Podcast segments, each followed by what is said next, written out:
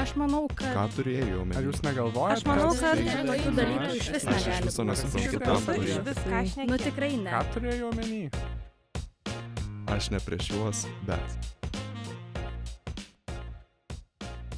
Sveiki visi e, mūsų radio laidos klausytojai. E, Šiandien mes susirinkę online studijoje, ne, e, taip sakoma, negyvai įrašinėjame. Ir prie mūsų prisijungia pokalbiai trans autonomijos e, nariai, Ajus ir Fritzas. Tai o tarp mūsų kolegų yra aš Ada ir mano šio, šio vakaro a, kita vedėja Rūta. Labas. Sveiki. Rūta. Ir labas Ajau ir Fricai. Labas. Sveiki. Tai galbūt pradėsime nuo to, kad a, šiek tiek prisistatytume apie, te, apie tai, kas esate, a, ką veikite savo organizacijoje. Nežinau, tai aš galiu pradėti. E, Sveiki, aš esu Ajus, esu transautonomijos e, narys ir pirmininkas.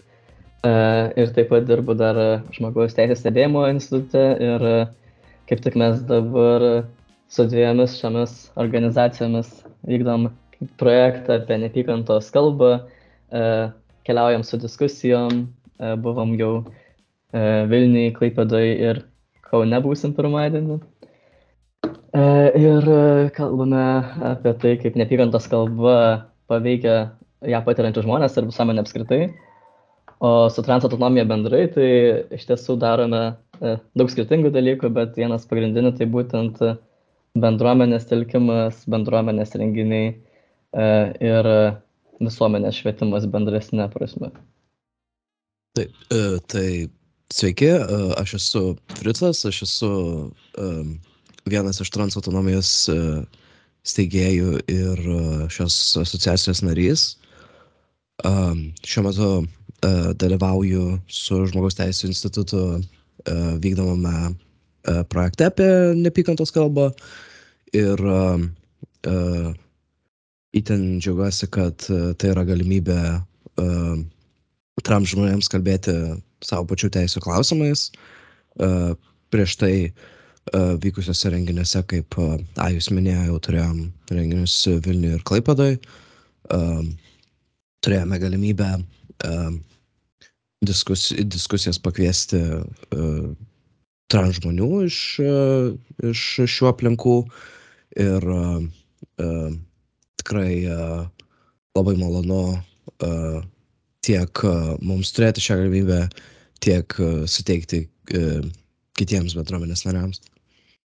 Tai kelis kartus minėjot e, taip, jūsų projektą, yra bendruomeninis supratimas ir saviraiška be neapykantos vadinasi, taip? Kaip kilo idėja pradėti šį projektą iš viso? Mhm.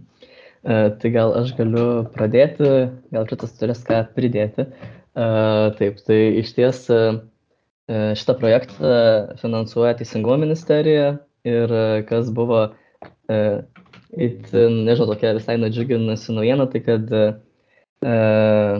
buvo kviečiama teikti paraiškas e, būtent projektams, kurie fokusuotųsi į visuomenės švietimą e, ir e, būtent e, į neapykantos kalbą tam tikrais pagrindais ir vienas iš jų buvo e, lytinė tapatybė, e, kuria paprastai kaip ir, na, Lietuvos teisėje nėra išskirta, kad būtent, tarkim, žmonės dėl lytinės tapatybės ten e, negali būti diskriminuojami. E, tokie kaip pagrindai kaip seksualinė orientacija, tautybė, kalba yra išskirta, lytinė tapatybė ne. Tai e, šis projektas kaip ir mūsų fokusuojasi į keturis pagrindus. Tai vienas iš jų yra lytinė tapatybė, tada seksualinė orientacija, kalba ir tautybė.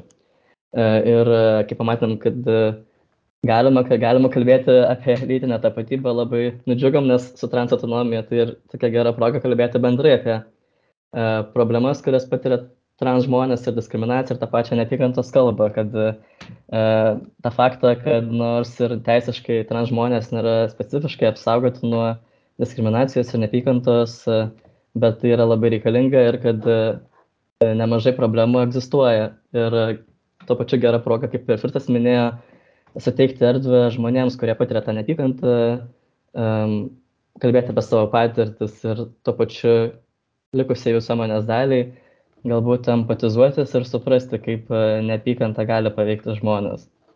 E, aš šiuo atveju, jo, aš šiuo atveju galėčiau papildyti, kad uh, tie keturi neapykantos pagrindai mano suvokimu tikrai nepasirinkti atsitiktinai, nes uh, uh, kalba ir uh, uh, tautybė uh, pastarųjų uh, kelių metų tyrimų duomenimis uh, kalba ir tautybė yra E, pagrindas, dėl kurio dažniausiai pasireiškia neapykanta uh, materialiuose viešuose erdvėse, o seksualinė orientacija ir tuo pačiu glaudžiai susijusi uh, susijusi neapykanta dėl lytinės tapatybės uh, yra dažniausiai pasiaiškinti neapykantą šiais pagrindais internete.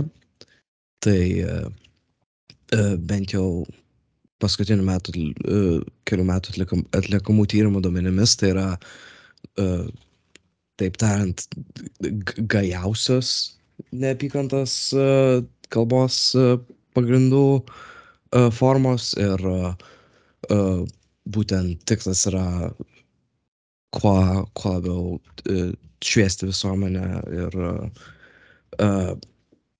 stengtis kurti atsvarą E, viešumoje matomai neapykantą. Tai galbūt e, iš tikrųjų ir labai praverstų tada ir, e, ir mūsų klausytojams, jeigu truputį apibūdintumėte, kas būtent yra ta neapykantos kalba, kaip jūs ją suprantate, kaip galbūt patys susidūrėte ir kaip pačiame projekte vat, apibūdinate, kas tai yra. Aš galiu trumpai kalbant apie apibrėžimus, e, gal mane papildys. E, tai mes e, apibūdiname, apibrėžiame būtent neapykantos kalbą, remiantis Europos komisijos prieš rasizmą ir netoleranciją apibrėžimu. Viena iš jų rekomendacijų tai neapykantos kalba, kalbam apie diskriminacijos formą, kai viešai yra išreiškiama neapykanta, skatinama diskriminuoti ir smurtauti prieš žmogų ar žmonių grupę dėl tam tikrų E, bruožų ar priskiriamų charakteristikų. E, tai būtent e, kertiniai tokie elementai yra diskriminacija, neapykanta, kuri išreiškiama viešai dėl kažkokių saugomų charakteristikų. Tai, tarkim, tai yra grupės dažniausiai žmonių, kurios apskritai yra labiau um, pažeidžiamos ir dažniau patiria tą neapykantą. E, tai Lietuvos, pavyzdžiui, teisėje yra E, kalbama apie neapykantos kurstimą ir išskiriami tokie pagrindai kaip e, amžius, negalė, lytis, seksualinė orientacija, rasė, odos spalva, tautybė, kalba, kilmė, etinė kilmė, socialinė padėtis, tikėjimas, įsitikinimai e, ir pažiūros. Tai tokie yra kaip ir um, eksplicitiškai išskiriami uh, pagrindai. Uh, tačiau pagal konstituciją be abejo ir kiti pagrindai gali būti E, kuriais nėra leidžiama diskriminuoti. Um, nežinau, galbūt Fritzas kažką norėtų papildyti. Uh, taip, tai tik galiu papildyti, kad pagal Konstitucijos uh, uh, 29 uh, straipsnį, kur iš esmės yra įprasminamas ne, neapykantos ir diskriminacijos draudimas kaip žmogaus orumo žeminimas. Interpretuoja, šis straipsnis yra interpretuojamas taip, kad tie pagrindai, nuo kurių, uh, pagal kuriuos yra, nu, uh, kaip A jūs minėjo, saugotini pagrindai, pagal kuriuos diskriminacija galima, jų sąrašas nėra baigtinis ir tikrai gali būti įtraukama ir daugiau pagrindų, tačiau taip Lietuvos teisėje šiuo metu, e, nepaisant 2019 metų konstitucinio e, teismo išvados, kurioje vartojamas e, terminas būtent lytinė tapatybė kaip saugotina charakteristika iki šiol nei Lietuvos Respublikos baudžiamajame kodekse, nei darbo kodekse, nei lygių galimybių įstatymė termino lytinė tapatybė nėra, kas E, iš tiesų tikrai gali apsunkinti procesą, kai yra siekiama e, teisinės pagalbos patyrus e, neapykantos nusikaltimą.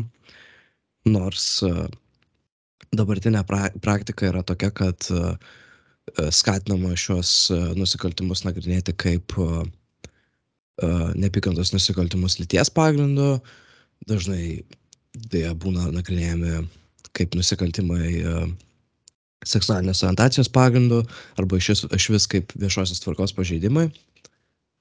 Tai čia būtų iš tokios teisinės apibrėžimo pusės, bet pra praktikoje, kaip, kaip neapykantos kalba gali atrodyti, tai, uh, tai gali būti it, itin nemalonių terminų naudojimas tam tikrų žmonių atžvilgių, uh, tas anglų kalboje vartojamas slur terminas, tai uh, šiuo atveju uh, tai gali būti priskiriama neapykantos kalbai, uh, užgauliojimas gatvėje, užgauliojimas e, internete.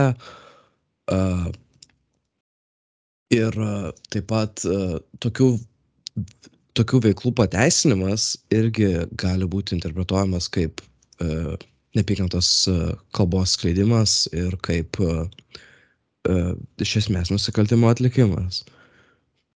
Jūs taip pat uždavėte klausimą, kaip, kaip galbūt tenka susidurti asmeniškai Tai uh, mano atveju pagrindė galbūt ir būtų uh, tam tikri vieši kreipiniai dėl seksualinės orientacijos.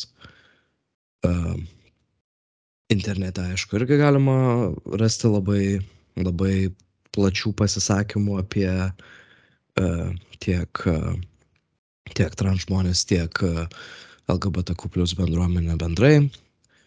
Uh, tačiau man pagrindai tenka susidurti viešajame ligmenyje su pasisakymais nu, tikrai nemaloniais.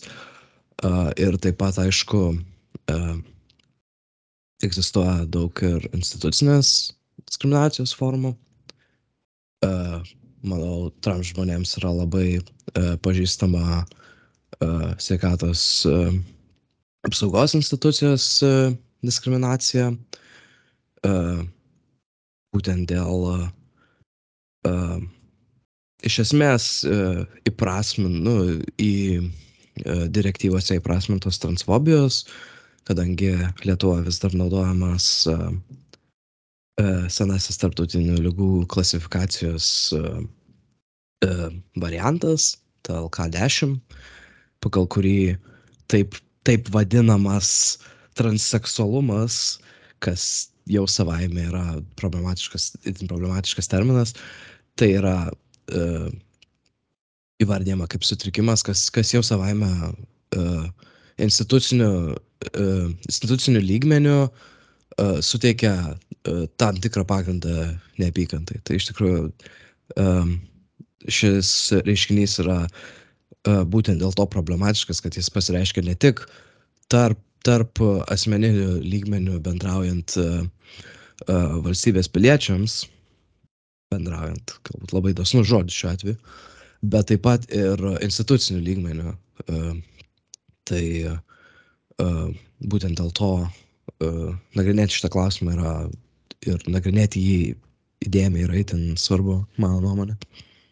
Mhm. Ir e, šiaip pats dabar vat, užsiminėjai apie kai kurias tos neapykantos e, formas, kurios e, nutinka Lietuvoje. Tai iš tikrųjų, pavyzdžiui, įdomu, kadangi mūsų amžiaus žmonės vis tiek labai daug laiko praleidžia ir internete, ir sekdami visokias užsienio aktualijas, tai ar pastebėjote kažkokiu tai skirtumų, kaip ta neapykantos kalba specifiškai uh, skleidžiama ir, uh, ir kaip jinai specifiškai atrodo Lietuvoje. Ir yra kažkokių tai skirtumų, ir yra kažkokių tai uh, ypatingų formų, kaip jinai pasireiškia. Mm.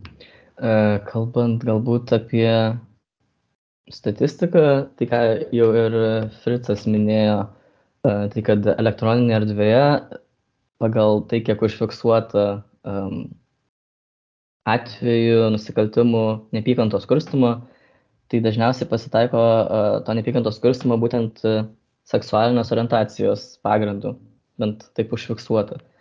Tai turbūt dažniausiai pastebime daugiau neapykantos kalbos viešoje erdvėje, kai nutinka kažkoks įvykis, tarkim, aplink Praidą dažnai būna daugiau tokių um, pasisakymų arba, vat, kai svarstoma, tarkim, partnerystės civilinės sąjungos įstatymai, kalbant apie, pavyzdžiui, pabėgėlius, migrantus, pastebėjom daug daugiau neapykantos kalbos, kai žmonės pradėjo atvykti į Lietuvą, kirzdami Baltarusijos sieną ir žiniasklaidoje buvo pastebima labai daug irgi tokio kurstimo iš politikų, tiek iš pačios žiniasklaidos, tokio gazdinimo žmonių tam tikromis visuomenės grupėmis.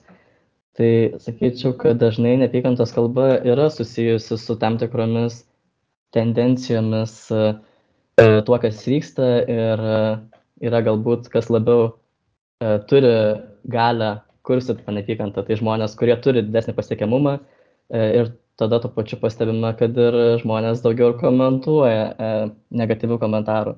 E, ir tie komentarai gali atrodyti kaip, na ką čia vienas žmogus galbūt parašė kažkokį bjaurų komentarą, e, galbūt net ir ten kurstanti kažkokią smurtą, bet bendras poveikis to susidaro tokia nesaugumo atmosfera e, visuomenėje, ne tik turbūt E, tam žmogui, į kurį galbūt nukreipta, galbūt žmonių grupiai, į kurią nukreipta, bet ir e, kitiems žmonėms ir visiems žmonėms apskritai.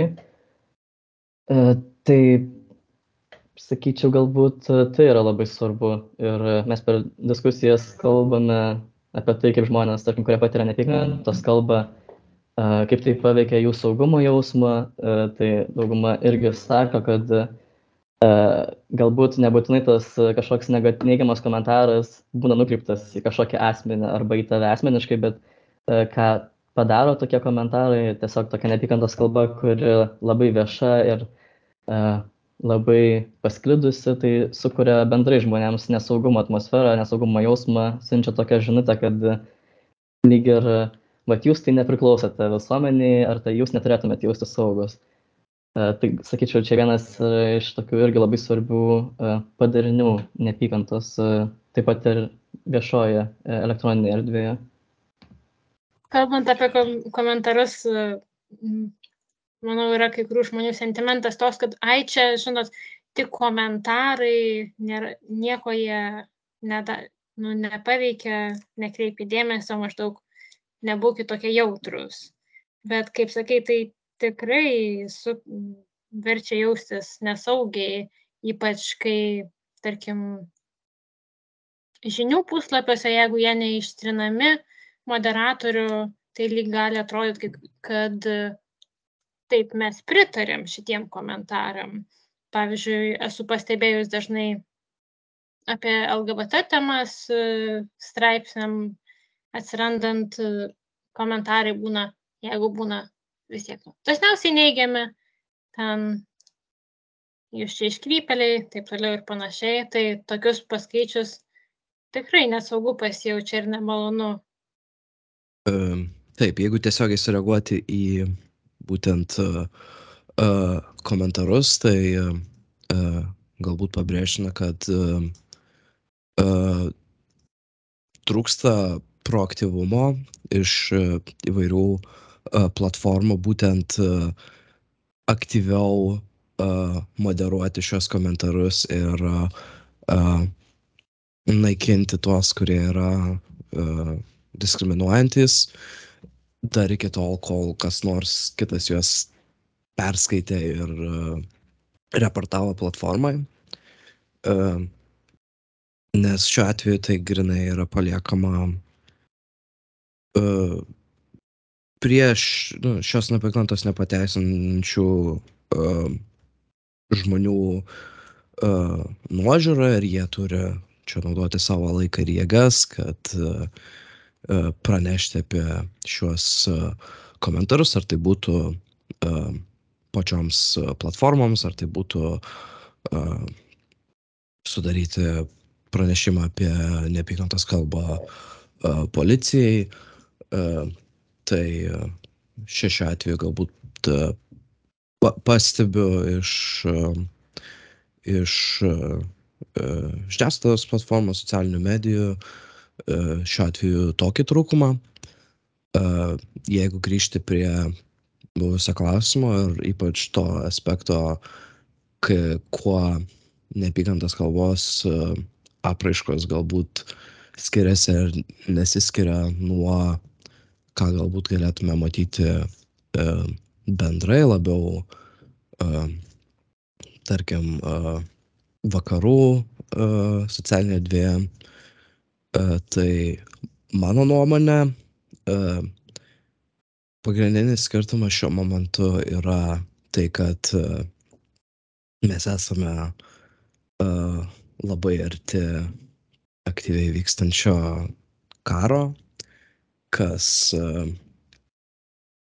irgi šalutinis poveikis to yra e, viso kito diskurso paaštrinimas, tai tą matome ir e, reakcijoje į prieglapšio prašančių žmonės, kurie nėra ukrainiečiai, kurie nėra baltaodžiai. Matome reakcijoje į lietuvių E, kalba nekalbančius žmonės. E, žinoma, matome reakciją į e, LGBTQ bendruomenę, dažnas girdimas posakis partnerystės artimesime laikotarpiu tiek iš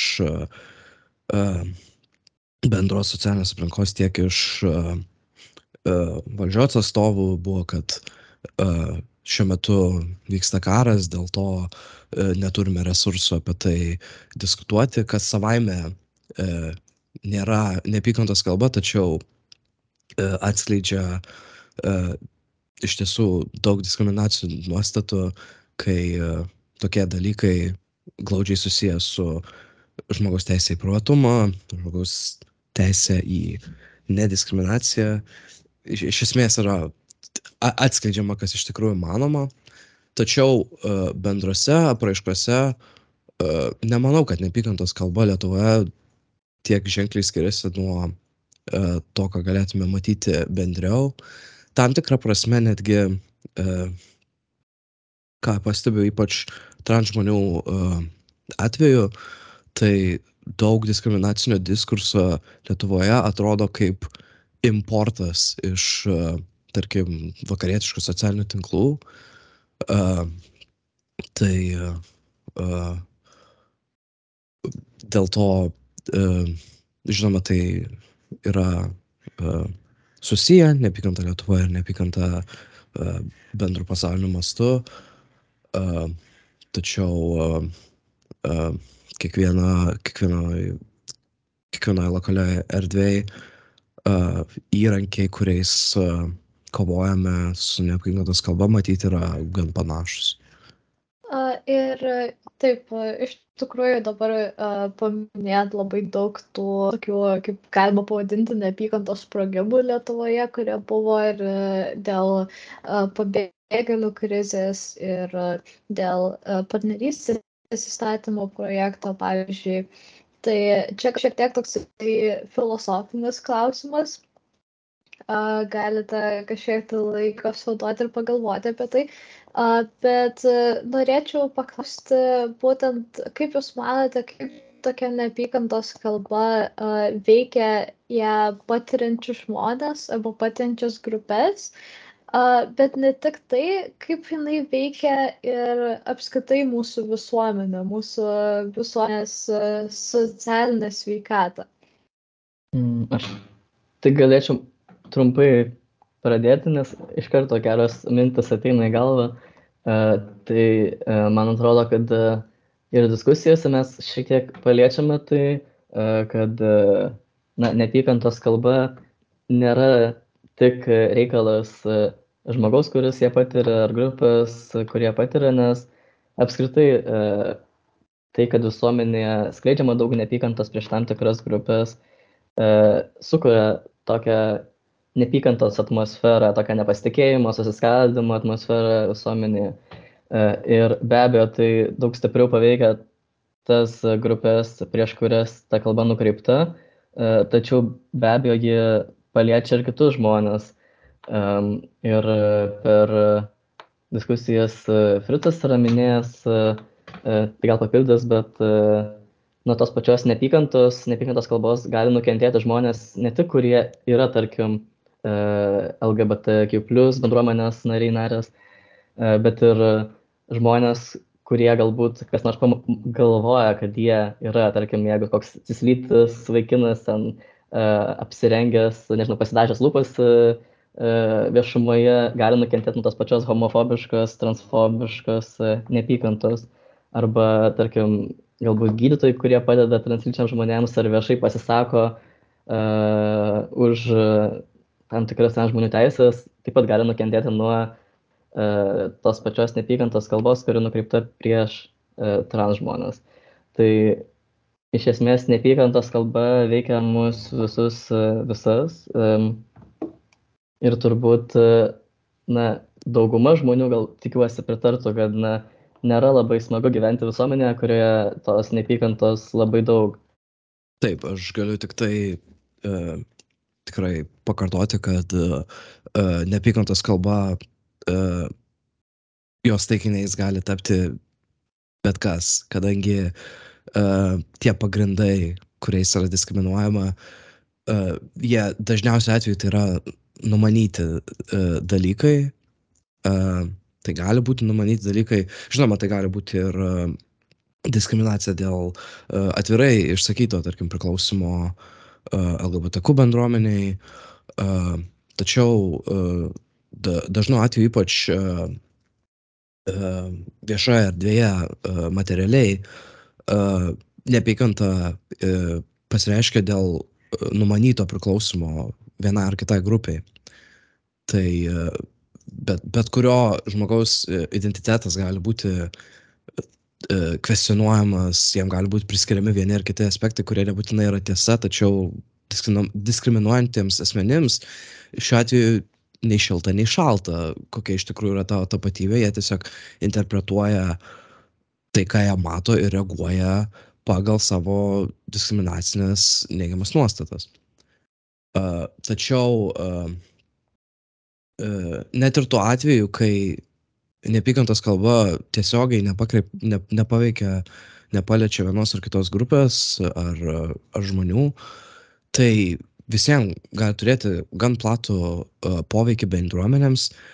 Uh, vienas atvejis būtų uh, ir uh, diskusijose irgi uh, berots buvo minėta, tarkim, kai, uh, kai žmogus yra užsipuolamas ar ne viešoje erdvėje, tai jau sukuria uh, smurtinę situaciją, tai sukuria potencialiai uh, smurtinį įvykį, nes dabar vienas žmogus yra uh, užsipuolamas, tarkime, žodžiais.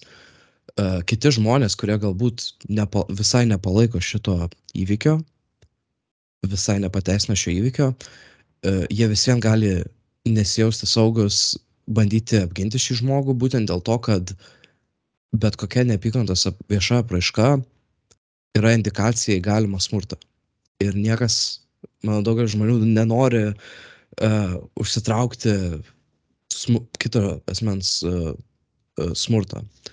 Tai uh, bendrai neapykantos kalba atlieka tokią, uh, tokią funkciją uh, kontrolės, nes neapykantos kalbos uh, uh, tikslas yra išsakyti, kad uh, šie žmonės, šie žmonių grupės visuomenė yra neprimtini, jiem turėtų būti nesaugu, jie neturėtų dalyvauti viešajame gyvenime.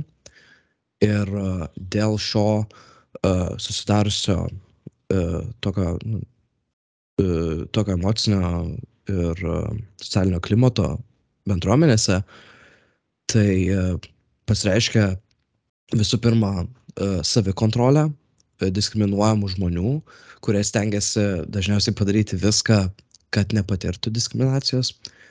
Tai gali būti uh, stengimasis ne, neišsiskirti iš minios, taip tariant, tačiau taip pat ir iš uh, ir artimieji šių žmonių, kartais iš tikrai geros valios, uh, įsijungia toks faktorius, e, ką, ką kaimynai pagalvos, ką aplinka pagalvos, kai e, tie artimi žmonės, kurie liktais nu, turėtų palaikyti žmogus susiturintį su diskriminacija, bent jau mano nuomonė, tai turėtumėte palaikyti uh, šios žmonės savo bendruomenėse.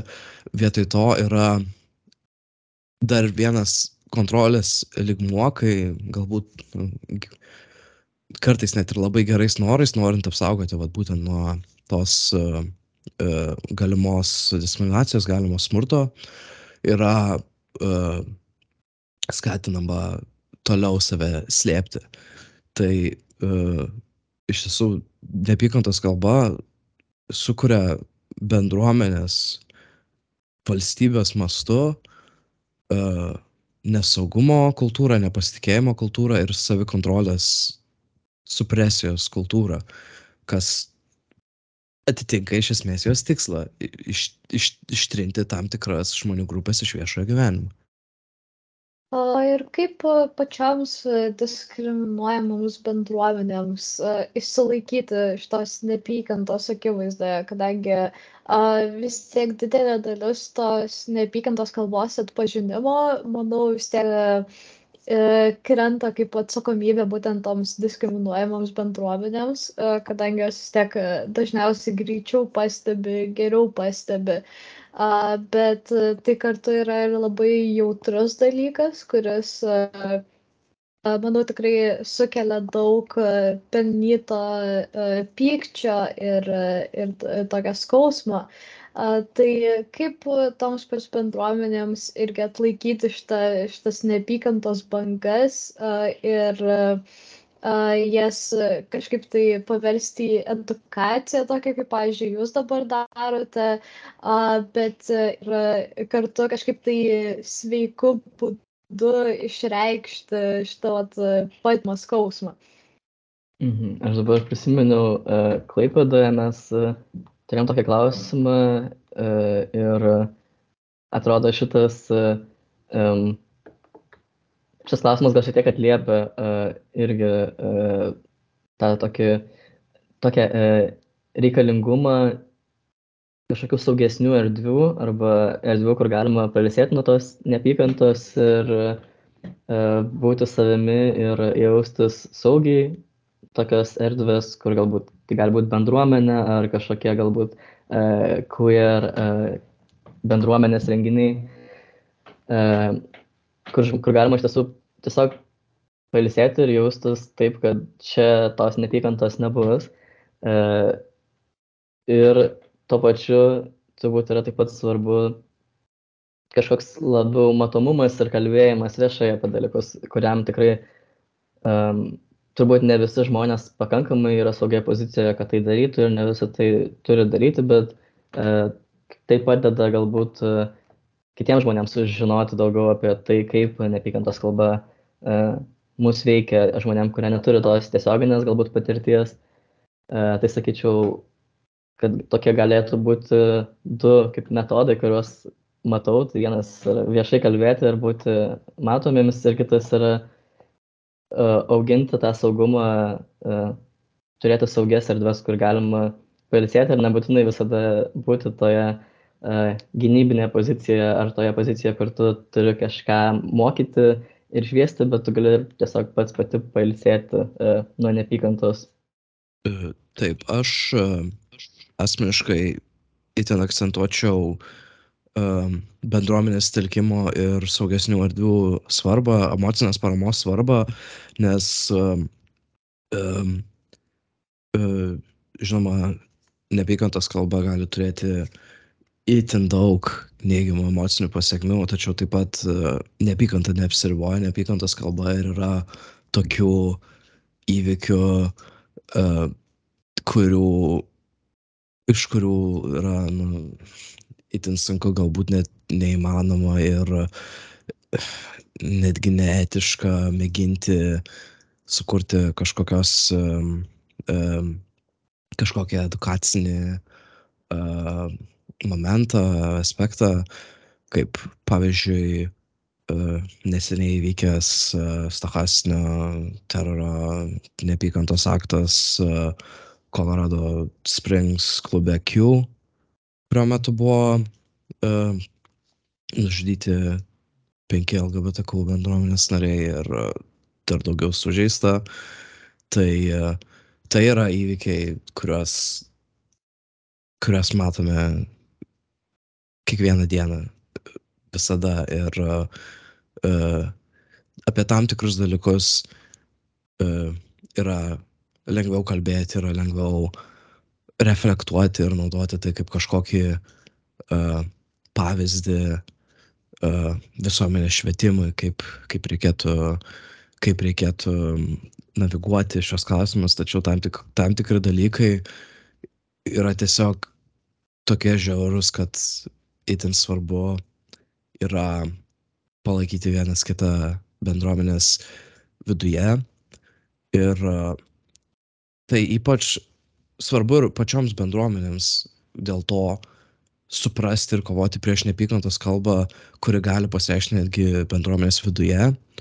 Nes ypač sudėtingoje padėtyje yra uh, žmonės, kurie patiria daugelįpę diskriminaciją. Tai yra uh, diskriminacija, kuri apima du ar daugiau uh, pagrindų. Tai, uh, tarkime, uh, biseksualiai juodaoda moteris gali patirti nepykantą labai skirtingai kiekvienoje iš bendruomenių, kuriai priklauso. Ir manau, gan žmogų sume, sumenkinanti patirtis yra, kai neapykantą patiri iš bendruomenės, kurioje norėtum jaustis saugiai. Tai uh, itin svarbu bendruomeniai uh, išlikti aktyviai, uh, išlikti uh, vieningai, uh, bet neignoruojant dalykų, kurie galbūt vyksta bendruomenės viduje, tačiau uh, stengiant, stengtis priešintis bet kokioms fobijų apraiškoms būtent bendruomenės viduje ir uh, edukuojame dėl to iš esmės ne tik plačią visuomenę, bet edukuojame ir savo bendruomenės to pačiu. Aš dar pridėčiau gal uh, toks uh, iš e, tos pusės, ką galima padaryti būtent bendruomenė arba žmonėm, kurie patiria neapykantos kalbą, neapykantos nusikaltimus, tai mes e, šiek tiek irgi per diskusijas paliečiam šitą klausimą e, pranešimo apie nusikaltimus, pranešimo apie neapykantos kalbą, e, kad daug žmonių, dauguma neapykantos nusikaltimų apie juos nebūna pranešama. E, tai galbūt galiu parekomenduoti, e, yra žmogaus teisų centro e, puslapis mano teisės.lt e, slešas pranešk, e, jei neklystu, ir ten galima pranešti apie patirtą neapykantos nusikaltimą, net jeigu nėra, jeigu, net jeigu nesinori, tarkim, kreiptis į policiją, nes tiesiog ten yra renkama statistika ir labai yra gerai turėti tą statistiką, kad matytųsi, kad problema yra, nes dauguma žmonių nepraneša patyrę kažkokią neapykantos nusikaltimą. Um, Tai manau, tiesiog rinkti informaciją, kaip, taip pat kaip ir kalbėti viešai, yra labai svarbu, net jeigu daug, daug, žmų, daug mūsų turbūt ne visada jaučiasi saugiai ar nesijaučia galbūt, kad kažkas pasikeis pranešus teisėjas saugai, kas irgi yra nemaža problema. Gal turėtumėt patarimų žmonėm, kurie dėl neapykantos kalbos patiriamos, jų aplinkinių e, bendruomenės narių tiesiog bijo prisidėti prie veiklos, gal net tiesiog nežino, kaip padėti. Kokius pirmus žingsnius reikėtų žengti jiems? Uh, aš, aš galėčiau galbūt tada um, pradėti. Uh, aš manau, tokia, toks jausmas yra uh, labai suprantamas, kai uh, uh, tiesiog uh, bijoma ne tik, ne tik prisidėti, bijoma autentiškai gyventi tam tikrose erdvėse, kas yra labai gaila, bet labai reali situacija ir suprantama situacija. Um, aš savo ruoštų siūlyčiau uh, ieš bandyti itin svarbu bandyti ieškoti bendruomenės, kad net nebūtinai jeigu materialiai prisidėti prie kažkokių tuo metu vykstančių veiklų, tiesiog, kad ta, tapti aktyvesnė bendruomenės dalimi ir taip uh, uh, labai, labai keistas galbūt frazavimas, bet tiesiog nu, gauti prieigą prie resursų, gauti prieigą prie paramos, nes kartais ir tai turi labai didelę reikšmę tiesiog uh, prabilti apie tai, ką patiria ir gauti reakciją, kuri verčia tave jaustis nu, suprast, suprastam, kaip žmogui patirčiam tokius dalykus. Tai uh, iš mūsų pusės uh, yra, aišku, transautonomija. Uh, galime, galime rasti tiek mūsų uh, svetainę, tiek mūsų Facebook puslapį, uh, kur galima su, su mumis susisiekti. Iš esmės bet kokiais klausimais susijusiais su uh, tranzicija, su gyvenimu, kaip transžmonių gyvenimu uh, Lietuvoje. Tai uh, bet ką, kam tai galėtų būti aktualu, tikrai uh, skatinu susisiekti su mumis. Tai nėra, nes tai ne, savaime nėra įsipareigojimas uh, kažką kažką tokio veikti, iš karto trauktis į labai aktyvų kažkokią, kažkokią labai žymę aktyvizmo veiklą. Tai, tai nėra įsipareigojimas, tai yra tiesiog mes būrėme bendruomenę ir mes būtume, mes esame labai laimingi kiekvienas į, kai, kai kažkas prisijungia tiesiog.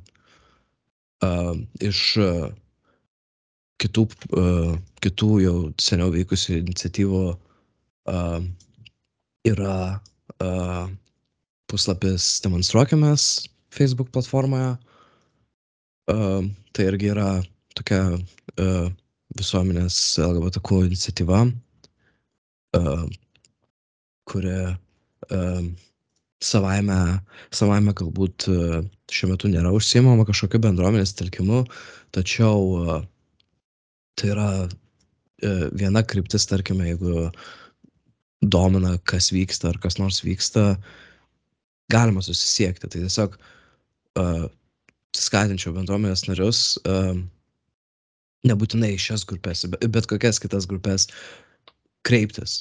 Uh, nes aš suprantu, kad uh, yra gal, galbūt baisu, nejauku, galbūt irgi atrodo, kad uh, uh, niekas, nes, niekas nesureaguos, niekas uh, nepriims net ir bendruomenės viduje, kas uh, lab, labai, labai gaila, bet nu, suprantu, kad dėl ko ir uh, dėl ko taip manoma ir kartais tai, kartais tai idėja net ir pasiteisina, tačiau ieškokite savo bendruomenių, nes uh, uh, vien tas uh, emocinis palaikymas neapykantos akivaizdoje irgi gali būti labai svarbus.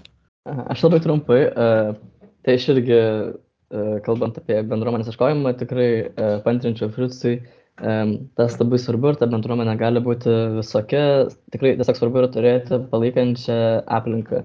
Dar ką galėčiau parekomenduoti, tai yra išgirsti, jie turi LGBT plus paramos grupę, psichologinės paramos, Kaune tai turbūt ema centras yra viena iš tokių draugiškų kuo žmonėms vietų. Klaipėdoje taip pat žinau, yra aktyvistų, aktyvisčių, kurie būrė bendruomenę, tai tikrai paieškojus galima rasti ir labai gerai turėti tiesiog žmonių, kurie palaiko. Ir kalbant apie viešumą, matomumą, tai uh, ir pas mus taip pat yra skirtingi, na, kiekvienas žmogus pasirenka, kiek nori būti uh, viešai kažką daryti, o kiek nori galbūt dalyvauti savo susitikimuose, renginiuose, kurie yra iš esmės e, saugus bendruomeniai. Hmm. No, aš dar gal tokį pridėsiu, gal šiek tiek banalu, bet manau tikrai padeda žmonėms žinoti, kad nu, mes nesam vieni, net jei aplinkui pilna neapykantos vis tiek turim bendruomenę, tai kaip Frikas sakė, net jeigu nieko taip tam renginių neorganizuoji, nieko rimto ten nedarai, bet tiesiog prisijungi, tiesiog matai, kad yra tokių pačių žmonių, kurie susiduria su panašiom problemom, tai tikrai padeda pamažinti baimės jausmą.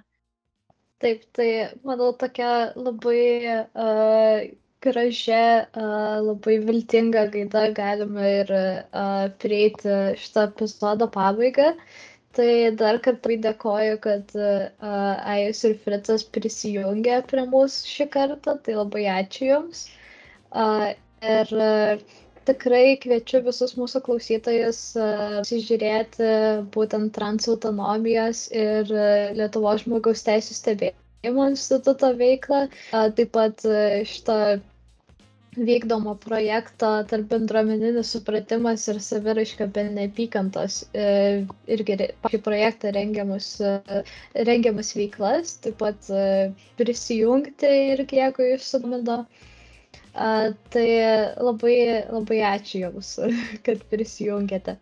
Ačiū ir, Jums, tiem, ir tiems, kurie iš, išklausėte mūsų iki galo, tai dabar yra pati nuostabiausia uh, minutė, kai mes uh, pasidaliname visai savo socialiniais tinklais. Tai kas tik tai norite sekti mūsų laidą, ir mūsų visus kitus renginius bei veiklas, tai galite mus sekti per Facebooką universiteto LGBT plus grup, taip pat per Instagram, tai būtų universiteto apatinis brūkšnys LGBT.